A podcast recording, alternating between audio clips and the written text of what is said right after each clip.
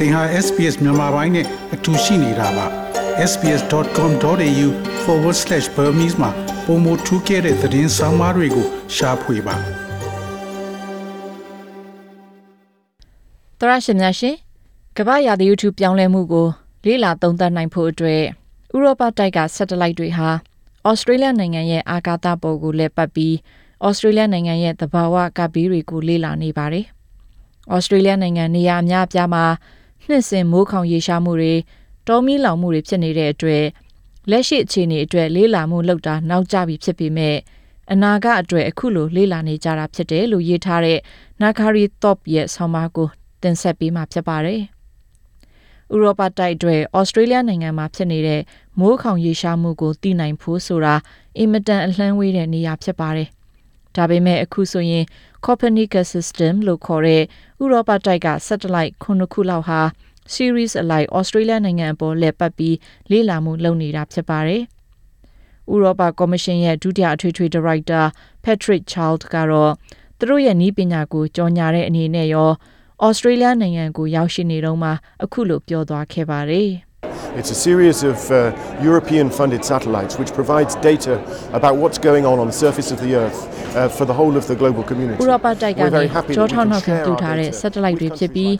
ကမ္ဘာမြေပြင်ပေါ်မှာဘာတွေဖြစ်နေသလဲဆိုတာကိုကမ္ဘာလူမှုအတိုင်းဝိုင်းတစ်ခုလုံးသိရအောင် data အချက်အလက်တွေကိုစုဆောင်းပေးတာဖြစ်ပါတယ်။ကျွန်တော်တို့ရရှိထားတဲ့အချက်လက်တွေကိုဩစတြေးလျလိုနိုင်ငံနဲ့မျှဝေပေးရတာကိုဝမ်းသာပါတယ်။ဩစတြေးလျနိုင်ငံမှာ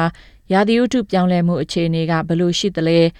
မြေပြင်အသုံးပြုမှုဘယ်လိုရှိသလဲတစတစနဲ့တဲကန်ရဖြစ်လာရခြင်းအကြောင်းတွေကိုလေ့လာသလိုတခြားအကြောင်းတွေအပြင်လူတွေဘယ်လိုနေထိုင်ပြုမှုကြသလဲဆိုတဲ့အချက်လက်တွေအထိစုဆောင်းပေးတဲ့အရာဖြစ်တယ်လို့ရှင်းပြထားပါတယ်။ Earth Observations Summit အဲ့ဒီညီလာခံကိုတက်ရောက်နေတဲ့ Mr. Patrick Charles ကပဲ လောလောဆယ်ကြုံတွေ့နေရတဲ့သဘာဝဘေးကနေအကူအညီမပေးနိုင်ပေမဲ့လည်းအနာဂတ်အတွက်အကျိုးရှိနိုင်တဲ့အရာတွေဖြစ်တယ်လို့ပြောပါတယ် So take the example of the awful droughts that are facing many communities in, in Australia at the moment. Um, obviously, with satellite data, we can't provide an immediate response. ဥပမာအနေနဲ့အခုလောလောဆယ်ဩစတြေးလျနိုင်ငံမှာကြုံတွေ့နေရတဲ့မိုးခေါင်ရေရှားမှုတွေကိုကြည့်လိုက်မယ်ဆိုရင်ကျွန်တော်တို့ရဲ့ satellite data က ဒီကိစ္စနဲ့ပတ်သက်ပြီးလူတွေခံစားကြုံတွေ့နေရတာတွေကိုအကူအညီမပေးနိုင်ပါဘူး။ဒါပေမဲ့ဒီ satellite တွေအနေနဲ့ဘာလုပ်ပေးနိုင်တယ်လဲဆိုရင်တော့ Australia နိုင်ငံကသူတေတီအဖွဲ့တွေအာဏာပိုင်တွေကနေ satellite ကရတဲ့အချက်လက်ကိုကြည့်ပြီးအနာဂတ်ကြရင်ပုံမခံနိုင်ရရှိတဲ့နေရာဖြစ်အောင်ဘယ်လိုလုပ်ကြမယ်ဆိုတာစီစဉ်ပြင်ဆင်နိုင်တယ်လို့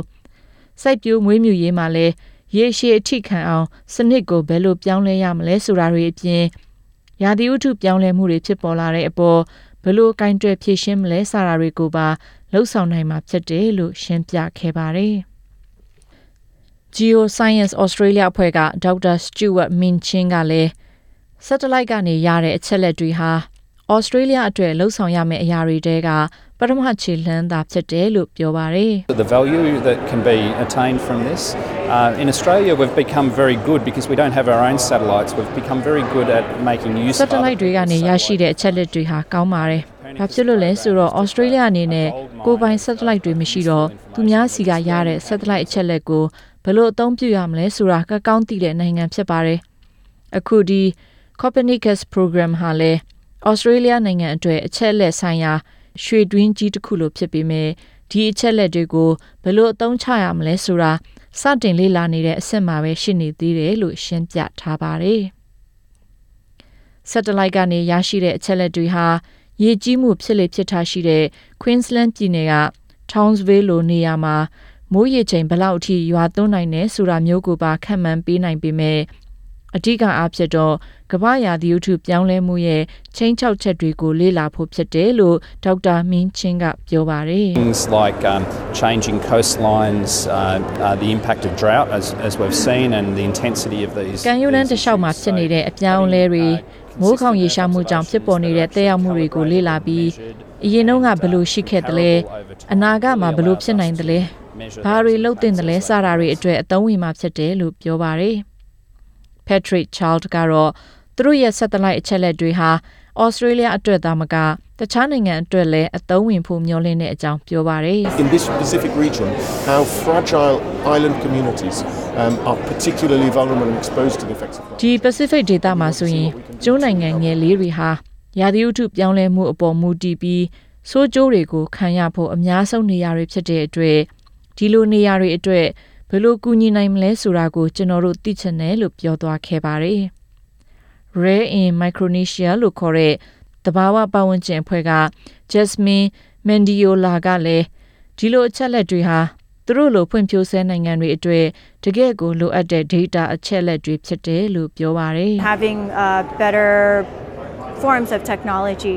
to look at inundation, to look at to predict wave action, you know. ရေ all- လွှမ်း all မိုးမှု that ကို sort of ကြည့်တဲ့အခါ stuff. ပုံမ Those are ကောင်းမွန်တဲ့ things နည်းပညာနဲ့ that ကြည့်ရှုလေ့လာနိုင်တာတွေ for us ရေလှိုင်းတွေရဲ့အနေအထားကိုလည်းလေ့လာတာမျိုးလုပ်နိုင်မှာဖြစ်ပါတယ် It can be အဲ့ဒီလို data န we ည်းပ can ညာတွေဟာ use to help ကျမတို့ရဲ့ဘဝအပေါ် and ဓာတ်ရိုက်သက်ရောက်နိုင်တဲ့ find အရာတွေ ways ဖြစ်ပါတယ် to make sure that အဲ့ဒီတော့ we don't တဘာဝ lose our အရင်းမြစ် natural အပေါ်မိခိုနေရတဲ့ကျမတို့အတွက်